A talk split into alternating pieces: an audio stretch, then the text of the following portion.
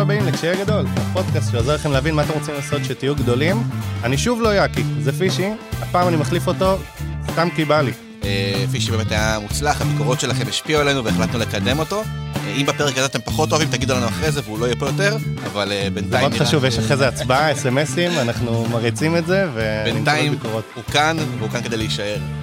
אז בואו נזכיר את הקונספט.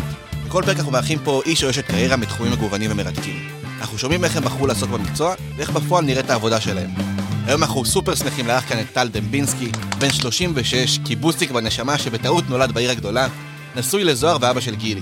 גרים במקום הכי שווה בארץ לטענתו, בקיבוץ צורעה, בוגר חיל האוויר, שורד טיול תרמילאים ארוך באפריקה שהוא גם מספר לנו עליו, וסיים במאמץ רב לימודי וטרינריה בארץ.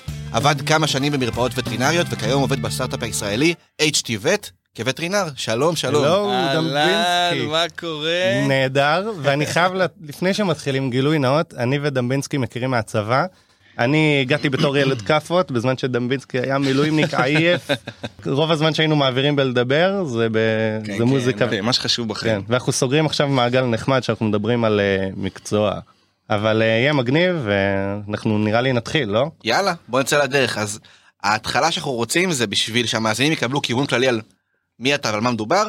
תן לנו סקירה ב-60 שניות אנחנו קוראים לזה. נקודות מרכזיות שעברת בחיים, מה, מה, מה הוביל אותך לכיסא הזה היום? מעולה. אז אני, רגע לפני הסקירה, אני רוצה להגיד משהו שאמרתי קודם, שהוא מאוד חשוב. אני חושב שמה שאתם עושים פה זה מדהים. השאלה, אחת הראשונות שבן אדם שואל את עצמו כשהוא, יש לו קצת שכל, זה אם יש אלוהים, אני יודע מה התשובה על זה. והשאלה השנייה, זה מה אתה רוצה שתהיה גדול. וזו שאלה מטורפת. וזה כל כך מדהים כמה היא חשובה, ובאמת, כשהתחלתי לשמוע את הפודקאסט שלכם, אמרתי, וואו, בואנה, הם מתעסקים פה בנושא מדהים וחשוב. אז אני מאוד שמח להיות פה, במיוחד שזה שניכם. ואיך הגעתי לאן שהגעתי, ככה בתקציר, אז אני השתחררתי מחיל אוויר, אמ, לא ככה היה לי ברור מה אני רוצה לעשות, ידעתי מה אני לא רוצה לעשות, שזה ניפה הרבה מאוד אפשרויות. אמ, הבנתי בצורה מאוד מאוד כללית שאחרי זה נתעמק בה מה עושה וטרינר, נשמע לי מעניין, נשמע לי פוטנציאל אדיר, נרשמתי ללימודי ביולוגיה וטסתי לטייל באפריקה. לפני זה היה טיול בסין, שברתי שם את הרגל, אשתי היום הצילה את חיי, אבל נראה לי זה לפרק אחר. זה יהיה בספיישלים, אחרי זה אנחנו קוראים לכל האורחים. באולסטאר, באולסטאר נדבר על זה. כן. טיילתי באפריקה אה, במשך שמונה חודשים, תחבורה ציבורית, טיול מגניב, טיול קשוח, הרפתקה די מטורפת. וחזרתי ארצה והתחלתי ללמוד, ללמוד אה, ביולוגיה. שלוש שנים ביולוגיה, אחר כך תואר אה, בווטרינריה ברחובות. אה, התחלתי לעבוד במרפאה אחת, שנייה, שלישית, ולפני כמה חודשים עשיתי תהליך מאוד מאוד ארוך ועמוק ולא פשוט אבל מדהים, והבנתי שאני משנה כיוון, ואני כרגע עובד בסטארט-אפ שנקרא HT-vet, אה, התחלתי שם לפני שבועיים. אז אני יהיה לך המון מה להרחיב לנו על זה, כן. מלא בתובנות, התרגשות וכיף, אה, והנה אני פה. אז אה, זה מה שאני עושה. מדהים. אז בכל זאת נרצה להתחיל מהשבועיים האחרונים של חייך, על מה זאת חברת HT-vet, מה אתה עושה שם, בוא. תספר לנו בכמה מילים. אין בעיה. אז שוב, כל מה שאני אומר עכשיו, יכול להיות שעוד חצי שנה יישמע לי כמו שטויות, מה לא הבנתי כי אני פה שבועיים, אבל מה ש-HTVet עושה זה סטארט-אפ ישראלי שפיתח מוצר מאוד מעניין, שבעצם אה, סורק, מערכת קטנה שסורקת אה, אה, מסות אוריות ותת-אוריות, ויודעת להגיד בצורה מאוד מדויקת אם המסות שפירות או לא. אני נכנס שם כווטרינר, כמי שצמח בקליניקות, אמנם פרק זמן יחסית קצר, אבל אה, מגיע מה, מה, מלמטה, ויודע איך להתאים ולהנגיש את המוצר למרפאות, אה, וזה מאוד מעניין, מאוד נחמד. אווירת סטארט-אפ על כל מה שמשתמע מזה, כאילו אני מדמיין איפה הייתי לפני שבועיים וכאילו זה fucking כוכב אחר, זה מטורף. ומה בעצם המשמעות שלך שם בתור וטרינר? אני בתוך סוג של צוות הטמעה, כמו שאמרתי, אני לוקח את המוצר הזה שהוא בגדול בגדול, התוכנית הכללית הייתה לפתח אותו לקהל האנושי בינינו, שהולך על שתי רגליים, מהמם. אמ, אבל בגלל תהליך של רגולציה שהוא הרבה יותר כבד ומסורבל אה, וקורונה בדרך, אמ, הוא נעצר, והם בעצם עשו הסבה לתחום הווטרינרי, שם זה רץ הרבה יותר מהר, ואני כווטרינר יודע להטמיע את המערכת בקליניקה בצורה יותר נכונה ואפקטיבית. אמ, זהו, זה כרגע, אמ, אחרי שבעה ימי עבודה, מה שאני יודע לכם על החברה, בסדר? אז, אה, אז זה מה שאני עושה שם, ובינתיים אה, מדהים. אני רק רוצה לציין שיש שם אה, מנכ"לית שהיא בחורה מרשימה ו- ולא רגילה, שני טולדנו, שעשתה גם דרך ויש לה סיפור חיים מאוד מעניין. אה, שני, בוא אלינו לפרק, את מוזמנת. כן. וואו, זה. קריאה לפעולה, זה- לא? יש מצב אבל שהיא תיתן לי fight בספיישל, אז אני... חכו איתה לעונה הבאה, אחי. אוקיי. אמ, אבל יש לה סיפור באמת מדהים והם פיתחו באמת מכשיר טוב ואנחנו דרכנו הצטלבו לפני שנתיים שלוש שאני הייתי בתוכנית mentoring של חיל האוויר וגיליתי שגם היא הייתה וככה החלפנו רשמים וטיפים ורעיונות על איזשהו איזושהי יזמות שגם לי הייתה ואיכשהו התגלגלו הדברים ואחרי התהליך שלי שעברתי עם עצמי הבשיל והבנתי ש- the, stars aligned מה שנקרא ופתאום הדבר הזה צץ והכל הסתדר ואני שם. מדהים. תשמע, נראה לי שבדרך כלל לכל מרואיין הוא כיום עוסק בעבודה שלו יחסית אה, הרבה ואנחנו שואלים אותו איך זה להיות בעבודה שלך ומה אתה אוהב ומה אתה לא אוהב אבל פה יש משהו אחר שאנחנו רוצים לדבר עליו באמת שהוא העבודה שהתחלת והשיפט שעשית בחיים ומעניין אותי רגע דווקא לקפוץ טיפה קדימה ברעיון ולשאול אותך שמתי בעצם תפסת לך פעם ראשונה השאלה כשיהיה גדול ומה מה הוביל אותך באמת ל, ל, לקבלת החלטות ומה לעשות ואיך סבבה. להתכוונן לשם. אוקיי, אז אה, האמת, הפעם הראשונה שזה עלה לי, באופן מאוד מפתיע, זה בגיל 19, בדיוק מקורס טיס, ועד אותו רגע הייתי נעול, נעול ברמה של לא חושב ימינה שמאלה על מה הדבר שאני רוצה לעשות, ברור שאני רוצה להיות טייס. ברגע שזה התנפץ, זוכר הייתי ככה אחרי הוועדות עם נזלת מפה עד הרצפה, שבור, מרוסק מפורק, איך שהתגלגלתי לשם, הגעתי לאן שהגעתי, ובאמת שם, בשלב מאוד מאוחר, בסדר? אוקיי. חשיבה, שוב, זאת זה ברגע שהבנת שאתה לא טייס קרב אמרת אוקיי אז מה אני רוצה לעשות. בדיוק, כן, אני לא כבר זה? מחוץ לביסט, אני, אני, אוקיי, עכשיו רגע, מה קורה? ימין, ביס זה שמאל, בית ספר לטיסה. נכון, בית ספר, מה נכון, מה לא טוב, שחור, באמת הייתי בהלם של החיים, כשהשאלה הזאת נזרעת ומתחילה קצת אה, לחשוב עליה בצורה לא באמת אה, בוגרת, אבל. אתה יודע, ביסודי, בחטיבה, בתיכון, אני כלום, גיל 19, חתיכת אירוע. ולא היה לי מושג, לא היה לי כיוון, היה לי איזשהו זרזיף של מחשבה להיות צלם של נשיונל ג'אוגרפיק, זה היה כזה חלום מדהים וזה, אבל אתה יודע, הייתי בצבא וזה מה שראיתי באותו רגע וזרמתי עם זה. כשהשתחררתי, אמ, שם זה התחיל להיות באמת, אני זוכר תהליך מחשבתי קצת יותר מתוכנן ומאורגן.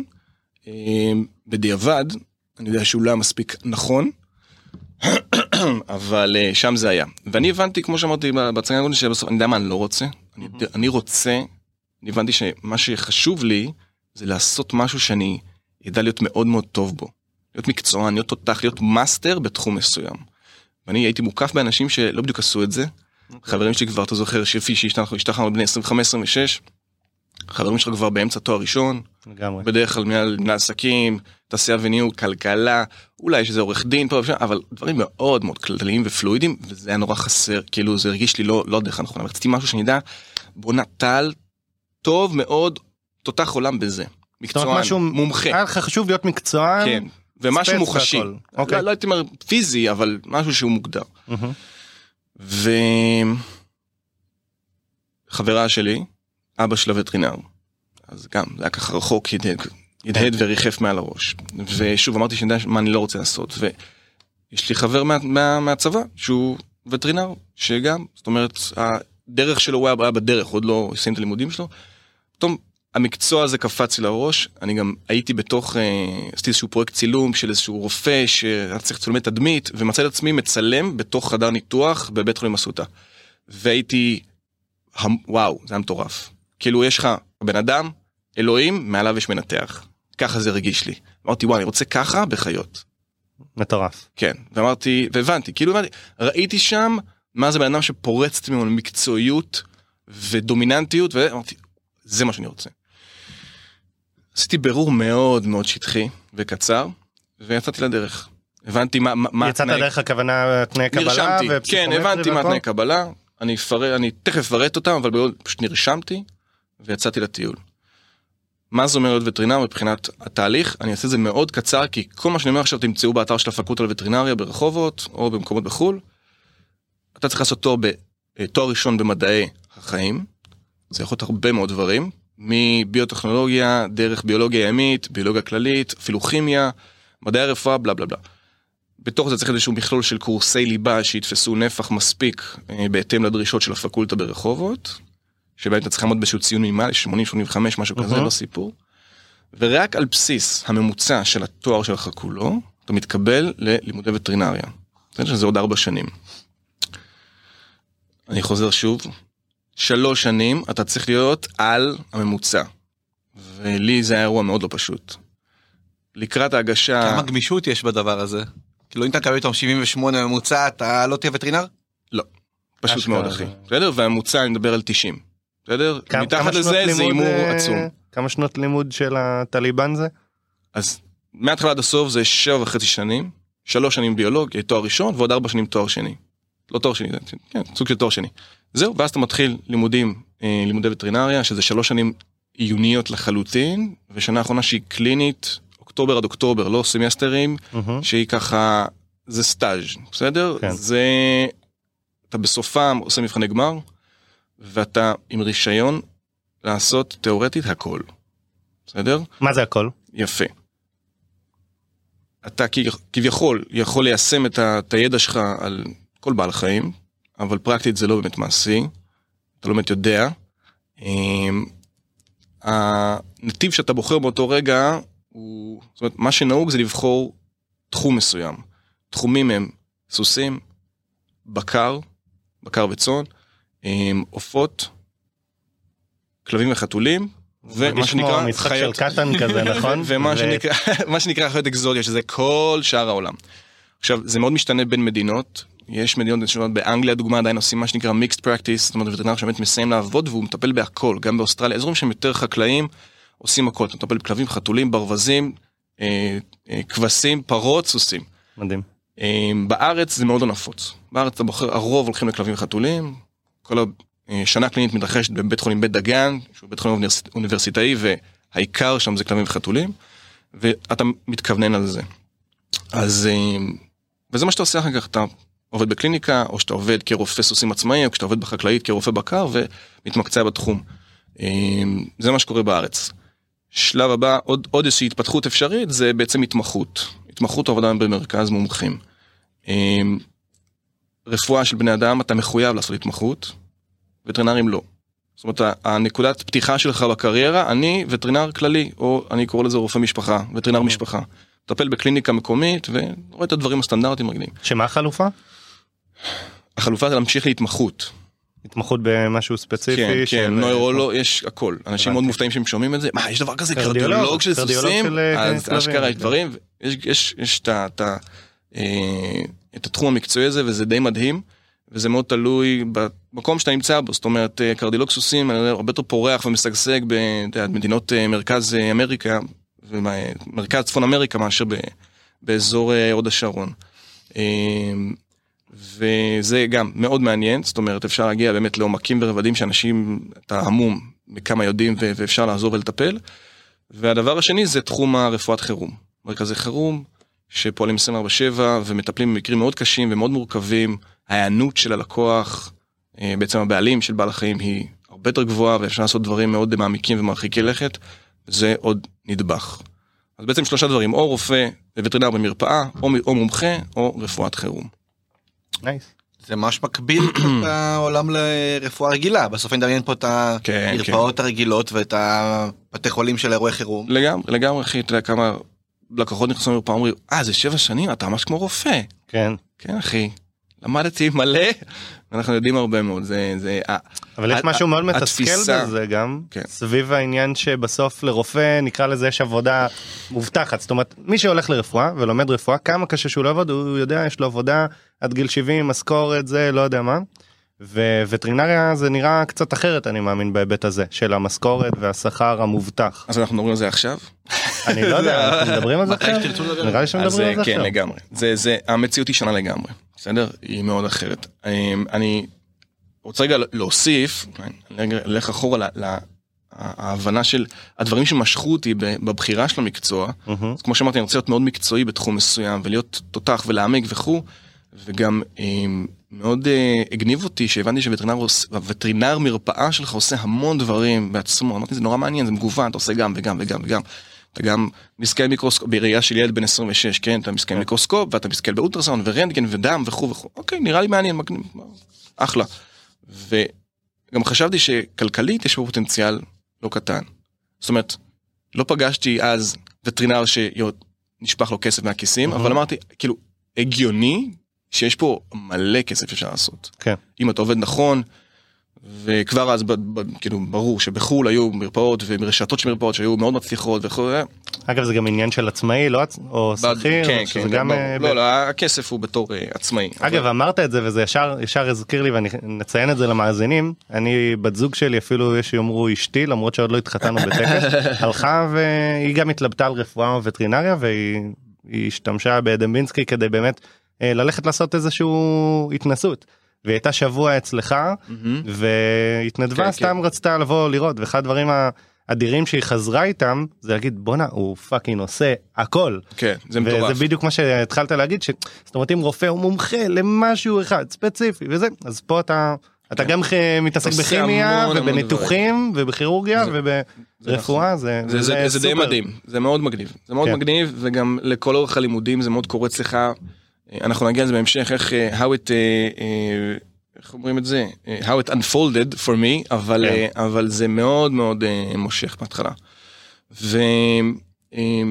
אז אמרנו שבסוף ראיתי כן פוטנציאל כלכלי, לא להיות, לא חושב שאני מיליונר, אבל בואנה, להיות מתוגמל כמו שצריך, כי אתה בסוף באמת, אי אפשר להתעלם מכמה אתה מיומן ואיזה כישורים אתה, יש לך בתור וטרינר. אמרנו להיות מקצועי וגם מאוד מגוון. זהו, ואז אתה מוצא את עצמך בסוף השנה, בסוף התואר הראשון, אה, ככה בקושי נושם, כמו איזה כלב אחרי ריצה מאוד ארוכה, מתקבל לווטרינריה, מאוד מאוד שמח, אה, ואז מתחיל לימודים, פשוט באמת מתחיל את הלימודים שלך, אנטומיה, היסטולוגיה, ואתה מבין שוואי זה רק מתחיל עכשיו. ו... אה, ואז אה, הלימודים נמשכים, אני לאט לאט מנסה כמה ש... מוצא את עצמי, אה, מנסה כמה שיותר להתרחק מהלימודים הפרונטליים, ומבין שאני מאוד מאוד מרגיש שכאילו הזמן נמרח, לוקח לי המון זמן. ובינתיים כל מיני רעיונות ו- ו- ומחשבות וחלומות על מה יהיה כשאני אסיים ללמוד, ולא מרגיש תחושת חיבור אמיתית ל- ל- ל- למקצוע, גם כי כשיצאתי לדרך המחשבות היו מאוד מאוד ענייניות אם תחשבו על זה כאילו כן. אוקיי אה, פוטנציאל כלכלי הגשמה עצמית מקצועיות וגיוון. הייתי מוקף באנשים שאתה יודע, פשוט חלמו על זה מגיל שנתיים שלוש. אני רוצה לטפל בכלבים. כן. ואני לא הייתי כזה אני מאוד אוהב בעלי חיים אבל בצורה בוטה לא הייתי כזה. ואני חושב ששם איפשהו התחיל הקושי. בצורה לא מודעת כאילו משהו פה לא מתיישב טוב. אבל אתה ממשיך. בסדר? אני היום בדיעבד יודע להגיד שאם הייתה לי נקודה שיכולתי להפסיק את הלימודים ולהבין שאני צריך לשנות כיוון זה איפשהו שם בשנה הראשונה לימודי וטרינריה. Mm. כי כל נקודה לאחר מכן אתה כבר אומר לך "לא כבר תסיים פשוט כן. תסיים אחי. אמ, זהו אתה מסיים עוד שנה ועוד שנה ועוד שנה והכל מאוד קשה ובאמת משינון אינסופי ואני רוצה רגע לעצור ולהגיד שאני הייתי וטרינר במרפאה כמעט שלוש שנים. אני חושב שיש לי הבנה לא רעה על, על התחום, אבל אני מאוד נזהר לא אה, לשרוף את המקצוע, כי זו החוויה שלי. בסדר? והיא סובייקטיבית, וכל מי שמאזין, שייקח את זה בערבון מוגבל, אני גם אנסה לחזור לזה בסוף, בסדר? אז כן, אה, נראה לי שזה נכון לכל הפודקאסט כל בסוף כל מישהו שמייצג מקצוע הוא לא מייצג את המקצוע הוא מייצג את החוויה האישית הפרסונלית שלו בתוך המקצוע. זה נכון, אתה צודק לגמרי, אני פשוט, אני שוב מדגיש את זה כי כאילו אני הגעתי למקום אחר. אני עד לפני כמה חודשים היית מדבר איתי, כן אחי, תשמע, אני מנסה להגשים את החלום הזה, להיות וטרינר תותח וזה, אז עשיתי שינוי כיוון. אמ, אז ככה גם הקונטקסט של, ה, של התוכן שלי הוא קצת, שני, הוא קצת אחר. לגמרי.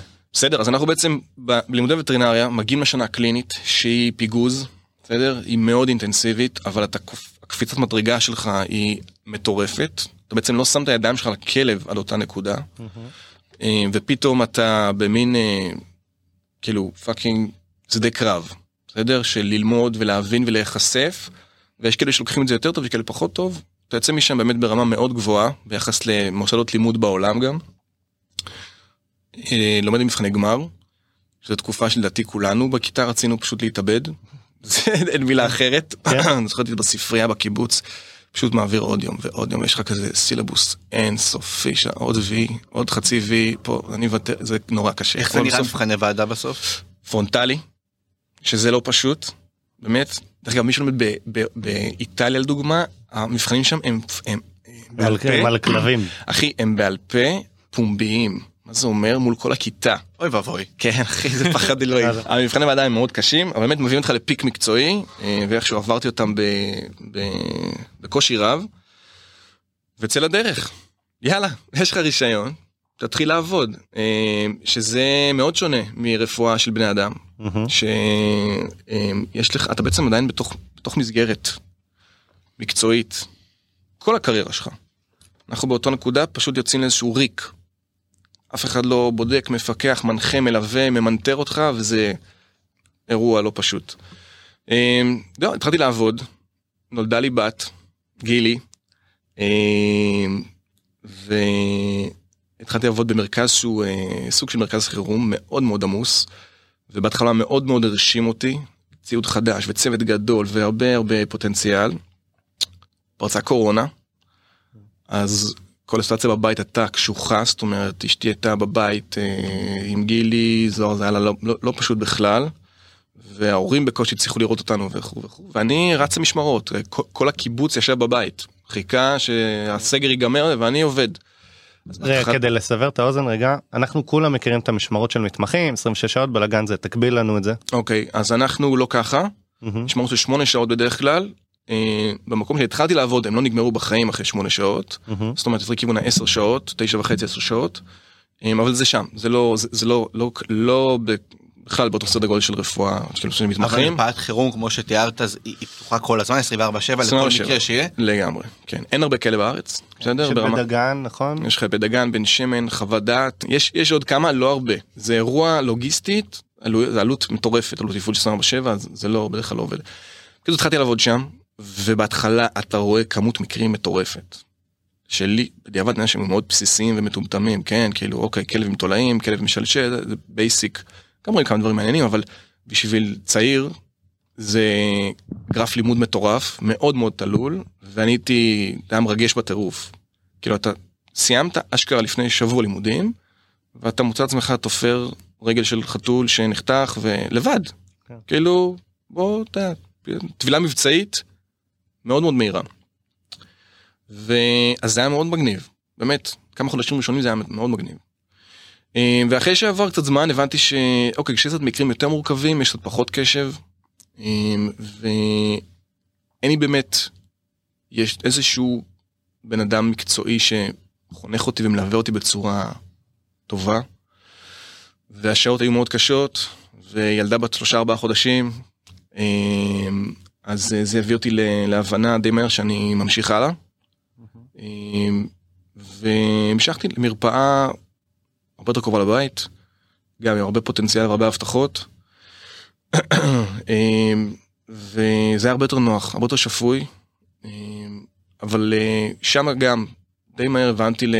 הגעתי להבנה שאני, יש פה, יש פה בעיה. עכשיו אולי אני רגע אצלול לאיך נראה יום של וטרינר. גם במרפאה שזה עולם שונה לדעתי. מה- מהמשמרות. מעולה. כי במרפאה, המקום השני שעבדתי זה באמת היה מאוד אה, ברור ו- ובוטה. אז וטרינר מגיע למרפאה, אה, שוב אנחנו מדברים על מרפאה, מרפאה אזורית מקומית, אתה רואה בעיקר, אתה עושה בעיקר רפואה מונעת, שזה חיסונים, טיפולים נגד תולעים, הסברים על מזון, אה, בעיות רפואיות שבעלי חיים מגיעים איתם זה בעיקר, אני אומר בעיקר, אני מתכוון ברמה של 95% גירודים, שלשולים, הקאות, דלקות אוזניים, דלקות עיניים, מדי פעם יש איזושהי צליעה, ופעם יש איזה חירום שהוא מאתגר. בסדר? כלב שהתעוות, פגיעת רכב, אמ, כלב שאכל מתן של אייפון, לא צוחק, יש לנו את הרנטגן לתעד את זה. דברים באמת אה, מוזרים והזויים, אבל זה מגיע הרבה פחות. ואתה מוצא את עצמך מהר מאוד, אמ, אני אחזור על זה, אתה, אתה בהתחלה מאוד אה, מתעסק בלצבור את המיומנות של אוקיי, איך אני מכין משטח דם, איך אני לוקח דם. אני חושב בשנה הקלינית, בבית דגן, כאילו האתגר הכי גדול והריגוש הכי מטורף זה הצלחתי לפתוח וריד. כן. עכשיו חבר'ה מרפואה אתה יודע יגידו "אה, זה שטו- כאילו שטויות כן, או, או יש לי כלב- אח בשביל כלב זה. הוא או- fucking משתגע. כן, ו- בדיוק, אחי, הכלב עם מחסום ורוצה להרוג אותך, אתה יודע, יותר גרוע מזה, החתול רוצה להרוג אותך, דרך אגב, כל חתול ארץ ישראלי מצוי רוצה לרצוח אותך, נכון. כמו, כמו בפארק היורה, הסצנה עם הרפטור, זה חתול ארץ ישראלי אחי אוקיי שמע, הכלב אני מסתובב איתו ברחוב, הוא מפחד מחתולות. אז אז אחי אז ואז מגיעים החתולים. הגזעיים אוקיי סקוטים אה, סיאמים אבל אני אומר כל הגזעיים הם פשוט מנומסים כזה בוא אוקיי אתה רוצה לבדוק פה מרימים את אתה היד. רוצה כאילו. זה, תפתח את הפה אה, וחתול אחר פשוט ירצח אותך. קיצור אתה מאוד מאותגר מכל הדברים הקטנים האלה בסדר איך להסתכל איך להריץ בדיקת דם איך להסתכל מיקרוסקופ על משטח ציטולוגי פיזיקלית נוירולוג אתה עושה וטרינר עושה הכל. בסדר? הייתי ש- בטוח שמרדימים אותם תמיד, את החיות. לא. אחרת זה לא יכול... לא, לא, יש כאלה שבאמת אי אפשר, בסדר? בעל חיים שמגיע עם בעיה שתקשיבי, לא מעניין אותי אם הוא רוצה, לה... צריך לבדוק אותו, אז מטשטשים. עם זריקת טשטוש, גם זה יש הרבה טכניקות של אינדיאנה ג'ונס כאלו, אה, אה, כמה שפחות להציק לחתול, אבל, אבל בדרך כלל זה, זה קצת אה, מערב ריסון. ו... וזהו, ואז אתה, אתה לוקח דם, וזה, אתה, אתה, אתה מלך העולם. הצלחת לפתוח וריד, זה כאילו בום אחי, the mic. אמ, ו... אז זה בעיקר בהתחלה מה שמאתגר אותך, ועובר קצת זמן, נכנס לשגרה. אז אתה מבין שעיקר האתגר שנותר, שלא קל להשתלט עליו ו-to master it, זה הבעלים. הבעלים של הכלבים. בדיוק. האנשים. כן. אוקיי? אתה מטפל בעיקר בבעלים. יש אנשים שמשקיעים המון בבעלי חיים שלהם וזה מרגש וזה מדהים ויש כאלה שפשוט ההפך המוחלט. וזה מאוד קשה כאילו על גבול ההתעללות הזנחה דברים לא לא פשוטים. אמ, ואתה מוצא את עצמך אמ, לפני כמה חודשים היית במבחני גמר שרקת את כל התהליך האבחוני של מחלה מחלת אה, אדיסון קושינג ואתה לא יכול לעשות עכשיו אפילו בדיקה פיזיקלית למרות שאתה חושד שזה זה. כי פשוט בעלי אומר תקשיב אין לי כסף. אה, וזה לא פשוט ואז אתה מהר מאוד מוצא לעצמך או יש לי כסף אבל אני לא מעוניין כי בואנה זה עולה כן. לי כסף. כאילו, זה, זה אתה רואה מלא אחי יש לי פה מרנן ב-15 אלף שקל אני לא צוחק 15 אלף שקל ובדיקה פיזיקלית של 180 שקל גדול עליהם. כן. אוקיי? אמ, למה בדיקה פיזיקלית? כי כנראה הילד שלהם יפיל את הכלב כשהוא יתמסר עם אח שלו הקטן. ואתה מוצא עצמך מהר מאוד מרדד, מדלל את הרשימת בדיקות שלך בסוף לפרקטיק כאילו מה הכי מצד אחד זה מייעל אותך אתה מאוד תכליתי בתהליך אבחון אבל אתה מתחיל לפספס אתה מתחיל להוריד דברים שחשוב שיעשו כי זה גם קשה לך להסביר קשה לך להדר, לשכנע אתה פשוט לשכנע בסדר צריך למכור להם את תהליך האבחון הזה. אמ, זה לא פשוט אמ, ויש באמת בעלים שלא מעריכים ומתישים אותך. זה נושא אחד. מהמם. הנושא השני זה המסגרת המקצועית שכמו שאמרתי לעומת עולם הרפואה ההומנית לא קיימת. יש ארגון הרופאים הווטרינריים יש את ההסתדרות אה, והתחיל עכשיו תהליך של אה, הכנסה של בעצם נקודות זכות קרדיטציה מקצועית בהמשך הדרך אבל זה לא תנאי. בארצות הברית זה תנאי. ואתה בעצם אה, אני מצא לעצמי מחפש בנרות בנרות אחי אתה שולח מיילים. מחפש מנטור כן שיעשה לך הכוונה אני מקצועית. רוצה מישהו שיהיה הסנסei שלי, בסדר? שאני אשן ואני יחלום על מה הוא היה עושה במקרה הזה. רציתי להיות כזה, כי אתם זוכרים, אמרתי שאני רוצה להיות master בתחום שלי, ולא מצאתי, אוקיי? חיפשתי בדרכים רשמיות, חיפשתי דרך חברים, חיפשתי, חיפשתי, וזה מאוד חסר. לפני כמה חודשים הבנתי שאני... משהו, משהו קורה. משהו לא טוב קורה. אה, כשהסימפטום הכי ברור היה עבודה. אה, וכל מה שציינתי עד עכשיו, אה, בנוסף על זה, גם התחלתי קצת להסתכל מסביב בצורה יותר ביקורתית, לשמוע מה חברים שלי מרפאות אחרות עוברים. זה היה די דומה. כאלה יותר מרוצים, כאלה פחות מרוצים. אני, אני חושב שמה שמעניין במה שאתה אומר שאפשר לקחת את זה לעולם של וטרינריה מאוד בקלות ולחשוב רק על וטרינריה אבל נראה לי שיש המון אה, הקבלות בשוק האזרחי גם ל, לסיטואציה כזאת שמיצית מקום מסוים או שהבנת שאין דרך ו, ונראה לי שהטים של, ה, של הפרק הוא באמת שיפט שינוי שינוי קריירה. ו... לגמרי, לגמרי. מאוד מאוד מעניין אותי אה, אגב גם כי אני באופן אישי נמצא אולי ב- במקום כזה אה, להבין בואנה קודם כל להיות מודע לעובדה שאתה בצומת והדבר הבא זה מה, מה עושים מה עושים עם, ה, עם הצומת הזאת עם מי לגמרי. מתייעצים עם מי מדברים איך לגמרי, מקבלים לגמרי. החלטה כל כך קריטית לש- לעשות shift כאילו. אוקיי, אז אתה, אתה שואל את זה אחי ויש לי צמרמורת בעורף. אני, זה, זה באמת, זה, אני חושב שזה העיקר של הפודקאסט לכם, בסדר? הנקודה הזאתי. כל מה שתיארתי עד עכשיו אתה יכול לתפוס כל וטרינר ברחוב ולספר כנראה דברים דומים. אז קודם כל ההבנה להבין שמשהו לא בסדר, אוקיי? אמ, ואני הבנתי שמשהו לא בסדר, והבנתי שאני חייב לעזוב את המקום שאני עובד בו. לא יודע מה קורה הלאה, אבל פה אני לא אצמח, במרפאה הספציפית הזאת. והבנתי שאני בצומת של ימינה להמשיך בקליניקה, איכשהו, שמאלה כל העולם. בסדר? מלהיות וטרינר אה, פרות, להיות וטרינר אה, רשותי או להיות אסטרונאוט, בסדר? ואשתי, זוהר, שאין עליה, אמרה לי, תיגש לקואוצ'רית. עכשיו אני יריתי לכל הכיוונים באותו זמן, כן? שלחתי הודעות ליועצת תעסוקתית, לפסיכולוגית, ל... לא יודע מה, ואמרתי, טוב, בוא ננסה. וזה מה שעשיתי, ואחרי שעה עם uh, קואוצ'רית, שמטפלת גם בשיטת סאטיה. מה זה אה, סאטיה? יפה. סאטיה, אני מקווה שהיא לא צוחקת עליי שאני מפרט בצורה הזאת, אבל סאטיה זה פשוט טכניקה שמפתחת אצלך מודעות לתחושות הפיזיות, הפיזיולוגיות של הגוף שלך, אה, בהתאם לכל מיני סיטואציות בחיים, אה, אם זה אירועים פיזיים או מחשבות וכו'. וזה מטורף אחי. כאילו אחרי שעה שאני יושב איתה, הבנתי שדבר ראשון, הדבר האחרון שכרגע מטריד אותי באמת זה מה אני עשיתי מהחיים הקריירה שלי, היו דברים הרבה יותר כבדים שביעבעו. ולמדתי שהגוף שלי צועק, בסדר? אמ, אני לא רוצה לצלול לזה יותר מדי, אמ, אבל אחרי כמה מפגשים התחלתי להתרומם, באמת. כאילו בהתחלה הייתי עם פה פעור, המום, ורק עצם ההחלטה של להתעסק רגע בצומת הזאת ובעצמי כבר הביא לשיפור מטורף בכל מישור בחיים שלי. ו... אתה רוצה לקדם אותה את הגברת הזאת לאנשים? באמת כי אני רוצה את המספר שלה עכשיו אוקיי, אז היא, מדהימה, קוראים לה רויטל ארגוב. אוקיי? אמ, היא בעצם... אה, אה, היא לא יודעת שהיא הולכת להתפוצץ עכשיו לא- כאילו היא לא מבינה את יש לה-. כאילו. יש לה ברגע הזה מעט מאוד סלוטים פנויים בלוז, אבל היא באמת אה, עשתה, עזרה לי מאוד, אוקיי? אמ, ובעצם תוך כמה שבועות אמ, הבנתי ש... רגע, אני אוסיף, אני קצת אחורה, בזמן שעזבתי את המרפאה השנייה, הבנתי, אני צריך עכשיו משהו, אני לא באמת הולך לשבור את הכלים ולשבת בבית, להסתכל על הקיר, למרות שזה מה שנורא רציתי, אז זוהר אמרה לי, אתה לא הולך לעשות את זה. אמ, אוקיי, אז אני אשב על הר, אני אעשה מדיטציה, לא, גם את זה אתה לא הולך לעשות. אז מצאתי מרפאה אחרת, אה, מרפאה שהיא קלה ונעימה. יש לי קולגה שעובדת שם והיא אמרה לי, תשמע, זה בדיוק נראה מה שאתה צריך. הלכתי על זה, להוריד דופק. וכן, אני פשוט צריך בסוף להעביר את היום, ופרנסה בסדר, אה, ולהתמקד בתהליך שאני- שאני עובר אתה לא. חושב שצריך להתנתק בשביל להצליח לקבל החלטה כזאת גדולה ומהותית?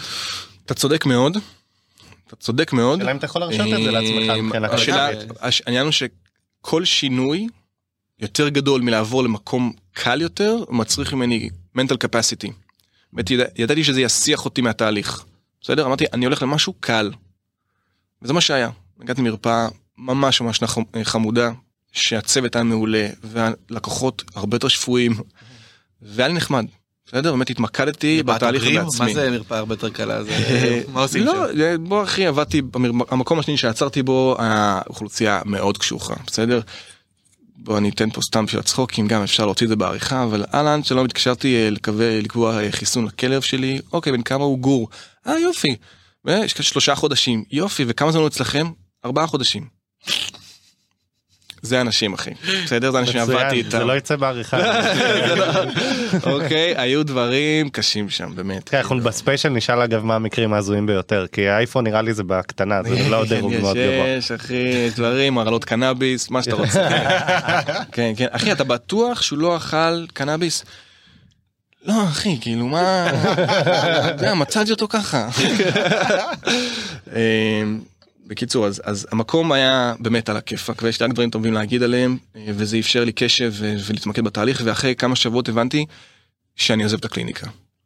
זו הייתה הקלה אדירה את הקליניקה את הקלה. העולם הקליני. אה אוקיי. אתה יודע עכשיו זה זה היה בתת מודע. אתה מפחד להגיד את זה כי יש לזה משמעות אדירה זה כמו אחי, שקבעת דייט עם מישהי ואז אתה פתאום, אתה יושב בבר ואתה פתאום קולט שאתה ביבשת הלא נכונה. כן. כאילו זה וואו, זה... זה overwhelming. אבל אמ, אמרתי, אתה יודע, שיזדיינו כולם. כאילו זה החיים שלי, זה הקריירה שלי, אז מה אם השקפתי שמונה שנים? זה לא אז מה, זה חתיכת אירוע, אבל בסדר, זה קרה. אמ, ובוא נראה איך ממשיכים הלאה. ותוך כדי הזמן הזה מחדד באמת המודעות לה, להקשיב לגוף ואתה יודע עזוב מה שחשוב בחיים אתה יודע אני כולי בן, בן 36 מה אני לא, לא יכול אפילו להגיד- להוציא משפט הזה מהפה שלי אבל באמת אתה מתעסק בזה ואתה מבין שיש דברים מאוד ברורים שיותר חשובים מהשאר. זוהר גילי ההורים שלי אני אוקיי וכל השאר יהיה בסדר. ורק עצם העיסוק הזה מהדהד. כן. it resonate והסביבה שלך מושפעת וזה מיד uh, מורגש. ו... The stars aligned ושני טולדנו אה, יצרתי את הקשר והיה מפגש ועכשיו אני עובד שם. אמ, זה תשמע אני זה, כן. צמרמורות מהסיפור הזה כי כן. קודם כל זה גם בחוויה אישית שלי אני די נמצא קצת לפניך ב- בסיפור מהמם. ואני חושב שנראה לי כל מאזין ששומע עכשיו ומרגיש איזושהי תחושה כזאת בבטן זה יש מצב זה מביא לו את זה למודעות ו... אני מקווה אני מקווה אני אני רוצה אני אגיד עכשיו כמה דבר כמה דברים כאילו בצורה של כזה נקודות אבל אני, אני ממש יודע להשליך את זה מהסיפור שלי. מה ששמעתם עד עכשיו זה בעצם מה קרה לי מהמם, בשמונה תשע שנים האחרונות. כן. אמ, ואני חושב שיש כמה דברים מאוד חשובים. אני חושב שדבר ראשון הצורה שאנחנו חיים בסדר? אני איתכם באותו דור אה, שאנחנו מחפשים להגשים את עצמנו אנחנו מחפשים להיות מאושרים. זה מאוד שונה ממה שההורים שלנו עשו וסבים וסבתות בסדר אנחנו בסוף אה, דור כאילו הם היו דור שני לניצולי שואה באמת כל מה שהוא מעבר רק ל... רוצים לשרוד זה כל מה הכל. שמעבר לעבודה, פרנסה, יציבות, ביטחון למדינה ו- ולמשפחה זה פריבילגיה, בסדר? כן. אז המסע שאנחנו נמצאים בו הוא חדש, אמ, ואני מאוד מכבד אותו ומעריך אותו, אני חושב שזה נכון. בסדר? בסוף, אנחנו פה לא הרבה זמן, שוב מי אני בן 36, אבל, אבל אחי, כאילו צריך לחיות. וצריך לחיות טוב, ו- וליהנות ולהיות משמעותי ופשוט להרגיש טוב עם, עם היום יום שלך. אה, אז המסע הזה נכון. אני חושב שאנחנו טועים ב- במחשבה שאנחנו בוודאות נמצא תשובה למה אנחנו רוצים להיות שנהיה גדולים. מהמם. ואנחנו בוודאות נמצא את הדרך לחיות כמו... לא, ממש לא, בסדר? הדרך היא, היא כביכול מקודשת, והיא התהליך, אוקיי? אבל להגיע לקצה, לקו הסיום, לא בטוח שנגיע, וזה בסדר גמור, אוקיי? פשוט צריך להיות רגועים, להבין שזה לוקח זמן. משתחררים, אוקיי, מה אני עושה? זה פסיכומטי, טה-טה-טה-טה, אוקיי, זה בסדר, אבל מאוד יכול להיות שאתה לא תמצא מה שאתה רוצה כך מהר, בסדר? אני בראייה לאחור, טל דמבנסקי של אה, 2011, לא היו לי את הכלים להבין מה אני מחפש. אוקיי? ואני מדבר, אתה דיברתי עם ארוסתך, היא מאוד מאוד מפוקסת ומחודדת, אבל גם, לא יודע אם היא יודעת, מה, מה היא רוצה לעשות כשהיא תקום בבוקר עוד 15 שנה. אני לא יודע, אם, אי אפשר, אחי, בסדר? כן. כאילו... אבל מה היית עושה אחרת? פשוט לוקח יותר זמן? יש לך משהו פרקטי לדבר? לא, אז, אז כן. קודם כל להבין שזה זה משימה, זה תהליך. זה לא משהו ש... אוקיי, אני, אני אעשה כמה שיחות עם חברים, שזה גם מאוד מאוד מבורך, ושם נמצא פתרון. אוקיי? יש כאלו שכן, שוב, אני לא רוצה להכליל, אבל להבין שזה תהליך. ולפעמים גם צריך לקבל החלטה כי... שאני לא יודע. בסדר? כי פשוט יהיה חבל על הזמן. כאילו, אני לא עושה בבית כבר שנתיים, עובד ב... ב... לא יודע מה. אז, אז להתחיל להתקדם וללמוד על הדרך, אבל להבין שזה תהליך, בסדר? והמטרה מכובדת ונכונה ואני מאוד מאמין בה, אבל לא תמיד נמצא תשובה, וזה גם דרך לחיות את החיים. יש כזה, מכירים את ה... יש את הטרק הזה wear sunscreen של באז לורמן? לא יודע ממש מה טוב, ממש טוב. יש שם משפט, Some of the most interesting people I, I know still don't know what they want to do when they grow up. אוקיי? זה צריך להיות אנחנו חייבים להכיר את זה. הוא מדבר על אנשים כזה בני 40 אני לא יודע אם אני קצת מדויק אבל זה באמת נכון כאילו כן. אז, זה נקודה אחת. הדבר הנוסף זה שאתה חייב ליהנות מהדרך. אוקיי אני בראייה לאחור בתואר ראשון בכלל הייתה חוויה מטלטלת. אני זוכר היה לי חבר שכתב לי כתב לי הודעה ביום הראשון ללימודים יאללה חמודי תהנה בהצלחה תהנה מהדרך. ואני לא זוכר, אני לא שוכח את ההודעה הזאת, כי לא נהניתי. בסדר? היה מאוד קשוח, כל פעם תליתי את הסיפוק ואת ההנאה שלי בשלב הבא. סמסטר הבא, שנה הבאה, תואר הבא, עבודה, אה, בסוף הכל התנקז ליאללה, כשאני מתחיל לעבוד שם יהיה הטירוף. היה טירוף, אבל מסיבות אחרות, בסדר? אמ, אז אם אתה לא נהנה מהדרך, וזה מאוד פשוט לדעת את זה, בסדר? זה לא כאילו, בסוף אנחנו עושים, אתה יודע, אנשים אה, מוכשרים, שאפתנים, בסוף הדרך היא לא פשוטה, היא מאתגרת. אבל אתה חייב ליהנות. אם אתה מאוהב, אתה יודע שאתה מאוהב, בסדר? אם אתה בסמסטר שני שלישי כבר לא קשה לי, אבל אחלה, אני אוהב את האנשים, מעניין לי, אני, I can handle it, אז זה לא, אתה לא שם. בסדר? כוח האינרציה אבל מאוד מקשה. כן. מאוד מקשה, נכון. בגלל זה אני אומר לך, אני, אני, אני דרך אגב פגשתי, דיברתי עם סטודנט לרפואה, שבשנה שישית רצה את הסבה לווטרינריה. אמרתי, איזה מטורפת ואיזה אומץ. בסדר? זה, זה מאוד קשה מכוח זהו, אני, אני חושב לעשות. שאחד הדברים הכי גדולים זה אומץ. זאת אומרת, להתגלגל זה הפתרון הכי קל, נכון. הכי פשוט, והכי אולי נכון, אולי לא נכון, אבל דרוש אומץ. כדי, לגמרי. ל- כדי, כאילו, צריך ביצים כאילו מפלטינה כדי לעשות דבר כזה בסוף. לגמרי, כאילו, דרך אגב, ומי שבתחום של וטרינריה או כל, בכלל, אתה עושה משהו בחיים שהוא מהפכני, ראשוני, כזה off the beat and track, אתה כבר מרגיש שאתה עושה משהו אמיץ. כן. אז זה מאוד קשה, נכון, אתה, אתה, זה לעשות אמיץ. על אמיץ, כאילו. בדיוק, כן, אתה אומר כאילו, זה, זה, זה מאוד קשה.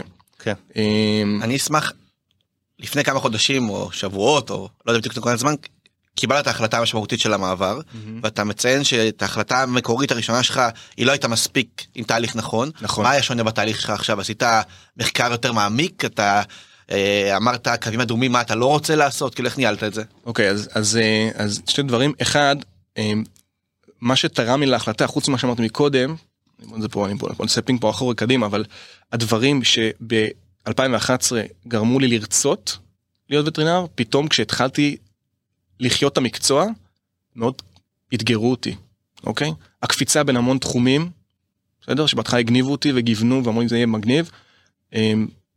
אמ, הבנתי שזה בסוף זה משאיר אותך מאוד שטחי בהרבה תחומים, אוקיי? וזה קצת סתר את מה שלכתחילה הגדרתי לעצמי. אמ, ולהיות תותח מקצועי וזה, אם אתה לא הולך להתמחות, אין לך סיכוי. כן. בסדר? וטרינר, משפחה, ו- כאילו, זה בדיוק הפוך. אמ, אלא אם אתה הולך להתמחות במרכז חירום, ומבחינת האורח חיים שם הבנתי שזה לא על הפרק. בסדר? אז התהליך שעשיתי לפני כמה חודשים, דבר ראשון להגדיר שאני בבעיה קשה. כן. בסדר? בגיל 26 לא הבנתי שאני בבעיה. דווקא אמרתי בואנה אני אעשה פה תהליך מאוד יפה. איזה כיף. אני מאוד שונה, אני לא שונה מהשאר, אבל כאילו, כולם סביבי, אה, מה הולך לעשות? כאילו, בבלבלות וזה, ואני כאילו, טק, טק, טק, החלטתי, בוא כן. נתקדם. בסדר? זה, זה משלה. בסדר? יש כאלה שמחליטים ככה וזה מצליחים ועפים על עצמם והכל טוב, אבל מה שהגדרתי זה, הגדרתי שיש בעיה, ופשוט פינדתי, כאילו, הלכתי למישהו מקצועי שפתאום שם לך את זה בקונטקסט אחר לגמרי. השיחות שאני עושה איתכם עכשיו, עשיתי אין ספור פעמים עם חברים שלי, אבל עם חברים שלי, בסדר? כן, הם לא- תומכים, לא- הם משתפים, יש גבול עד כמה הם יכולים לתת לך פוינטרים מקצועיים. זאת ו- זאת אומרת מבחינתך מה שעשה את ההבדל זה הגורם המקצועי שפנית אליו שם קוד הקואוצ'רית. לגמרי אחי ואני חושב שביום של במציאות של, של היום בהמשך ל... אתה יודע אנחנו דור הלהגשים וזה זה לא זה לא אם אתה תלך לטיפול זה מתי אתה תלך לטיפול לגמרי. בסדר זה חובה כל סוג של טיפול בסדר ללכת אה, לא יודע מה אה, הידרותרפיה פטריות אה, סוואטנט קואוצ'רית. פסיכולוגית קלאסית מה שאתה רוצה התחיל זה בא לי מכל כיוון שתדע כן. כל החברים שלי אז- מטופלים וזה כאילו אני לא אומר את זה בקטע רע בקטע הפוך כל נכון. הכבוד להם. פעם זה היה מילת גנאי כאילו וואי, לגמרי. הוא בצרות אם הוא הולך פסיכולוג לא כן. אחי צריך בכל תחום בחיים וזה מאוד חשוב אז זה זה. אני חושב שהבנתי דווקא מהתחום של הווטרינריה אמ, קיבלתי שיעור אה, קשה על תחושות בטן. מגיע לך כלב, כלב המרפאה אמ, יש מצב שסתם יש לו קלקול קיבה או שהוא עובר משהו קצת יותר דרמטי כן, אכל משהו שהיה לו לפצוע אותו ולגרום נזק, אפילו לה- להמית אותו, להרוג אותו. אה, יש על הפרק תמיד את האפשרות של לעשות צילום רנטגן. עכשיו רואים עשרות כאלה במרפאה בשבוע. כן. אי אפשר לצלם את כולם, גם מבחינת עלויות וגם בסוף בוא אתה צריך להביא שיקול דעת. ותמיד בצורה מאוד מאוד עדינה, יש איזה קול קטן, שכשהנסיבות נכונות אומר לך, תעשה צילום. צלם. עכשיו יש את הקול הקטן הזה כשיש מסביב המון רעש. אוקיי, הבעלים, אין לי כסף, יש תור שמחכה בחוץ, אתה צריך להכין את המכתב שחרור, מאוד מאוד בעייתי להקשיב לקול הזה, לי. אז תחושות בטן זה משהו שאני למדתי שהוא לא צועק, זה לא כזה, תעשה צילום, זה כאילו, אתה צריך לדעת להתייחס לזה. זה גם בהקשר לקריירה. בסדר? לאורך כל הדרך היו לי תמרורי אזהרה ענקיים שהתעלמתי מהם בצורה בוטה, בסדר? אנשי סגל שאמרו, תקשיבו חבר'ה, זה מקצוע לא פשוט. הראו לנו כל מיני נתונים שאתה אומר, וואי, אני לא מבין שהצגת לי את זה עכשיו, כאילו, מה, אתה רוצה שאני אמשיך ללמוד או שאתה רוצה, מה, מה קורה פה? אמ, זה שלא מצאתי שום מודל לחיקוי לאורך כל הדרך. אמ, זה שאתה עושה משהו שהוא מאוד קשוח וחדשני וכאילו ראשוני ובואנה אחי, זה מלכתחילה לא פשוט. אמ, וזה שלאורך כל הדרך לא, לא הרגשתי כאילו שאני וואי אני עף, כן. אני חי את ה... אז תחושות בטן. אנחנו מתקרבים לסיום, יש שתי שאלות אחרונות שאני רוצה לסיים איתן. אחת זה בסוף הבאת את הזווית הספציפית שלך כמו שציינת הרבה, יכול להיות שמישהו שומע את זה ואומר עדיין אני רוצה לתת צ'אנס לעולם הווטרינריה. לאדם הזה, mm-hmm. מה אתה ממליץ לעשות mm-hmm. מחר בבוקר כדי להבין ולא להיכנס לזה ישר למסלול? אוקיי, okay, בדיוק את מה שרוני עשתה. Mm-hmm. פשוט ללכת ולחיות את הדבר הזה במשך שבוע. לנסות למצוא את הבן אדם שמשתף איתך פעולה, יעזור לך, תוכל לדבר איתו, לשאול אותו מה אתה חושב, מה אתה עושה. אתה חושב עכשיו על התינוק בבית, או על המשכורת שלך, או שאתה חושב עכשיו על... לחיות את זה במשך שבוע. זה, זה הכי טוב שאתה יכול לעשות. בנוסף, ייעוץ מקצועי, אבל שוב, אני חושב שבגיל צעיר, לא בטוח שנצליח למצות אותו. אוקיי? זה, זה מדהים אגב כמה מרואיינים אומרים את זה. אומרים לך תתנסה. נכון, כאילו, וזה משהו טוב. שאני לא עשיתי. כן. שוב, היה לי את ההערה הזאת באלף בחדר ניתוח עם כן. האורולוג ההוא, והיה לי שורה של הסקות, הסקת מסקנות משם שהן לאו דווקא נכונות. כן. ונדבקתי לזה על פני כמעט עשור, אוקיי? אמ, אז זה הטיפ הכי טוב, פשוט לכו תחיו את זה לשבוע, וזה הכי, הכי נכון והכי אותנטי. סבבה והדבר האחרון זה אנחנו קוראים לזה טיפים של אלפים עכשיו כל כל הפודקאסט היו פה איזה 30 טיפים כן, של 30 אבל בוא, בוא נגיד כדי לסגור מעגל. מה איך אתה היית מסכם את זה ומה היית איך היית רוצה לשלח את המאזינים מכאן למסע שלהם בוא נגיד בוא נגיד את זה ככה לכל מי שבצומת הזאת. הדבר האחרון שאתה רוצה לומר לו.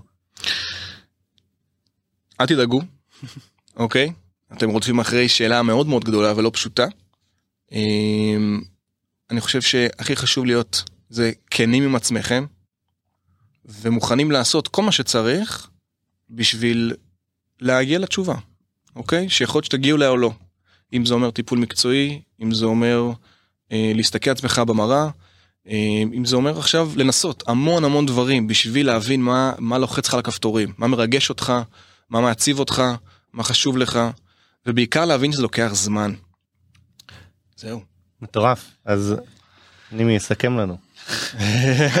טל, המון המון תודה. היה מרגש ומרשים, זה מה שאני הרגשתי פה לאורך כל הדרך, וזה לא מובן מאליו לבוא ולהגיד את התכלס, כן. ונראה לי שהמאזינים פה הרוויחו זווית הסתכלות סופר מעניינת, שכמו שטל אמר, טל השני, טל השני, טל פישי, אמר, זה לא רק לווטרינריה מה שקרה פה, וזה לכל אחד שבצומת הזאתי, על איך מקבלים את זה ואיך מגיבים לזה. אני, אני גם אגיד שבאמת הזכרתי את זה גם באמצע אני אני ממש נמצא בתהליך אני הולך לכבות ההקלטה ולבוא לדבר איתך עוד שעתיים. אז איך קוראים אמרת? כן אבל אה, באמת באמת זה זה סופר עוזר סופר מועיל במיוחד כי אני בטוח שיש המון אנשים שנמצאים בנקודה הזאת וזה בדרך כלל אנשים מציגים את הקריירה שלהם ואיך כיף להם ואיך רע להם וזה אני חושב שפה עשינו משהו קצת יותר מעבר וגדול.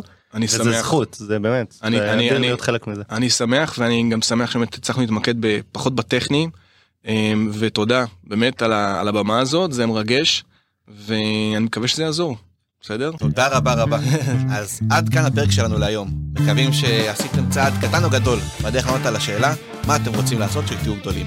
מזכירים שב description מופיעים לינקים שימושיים שהוזכרו לאורך הפרק.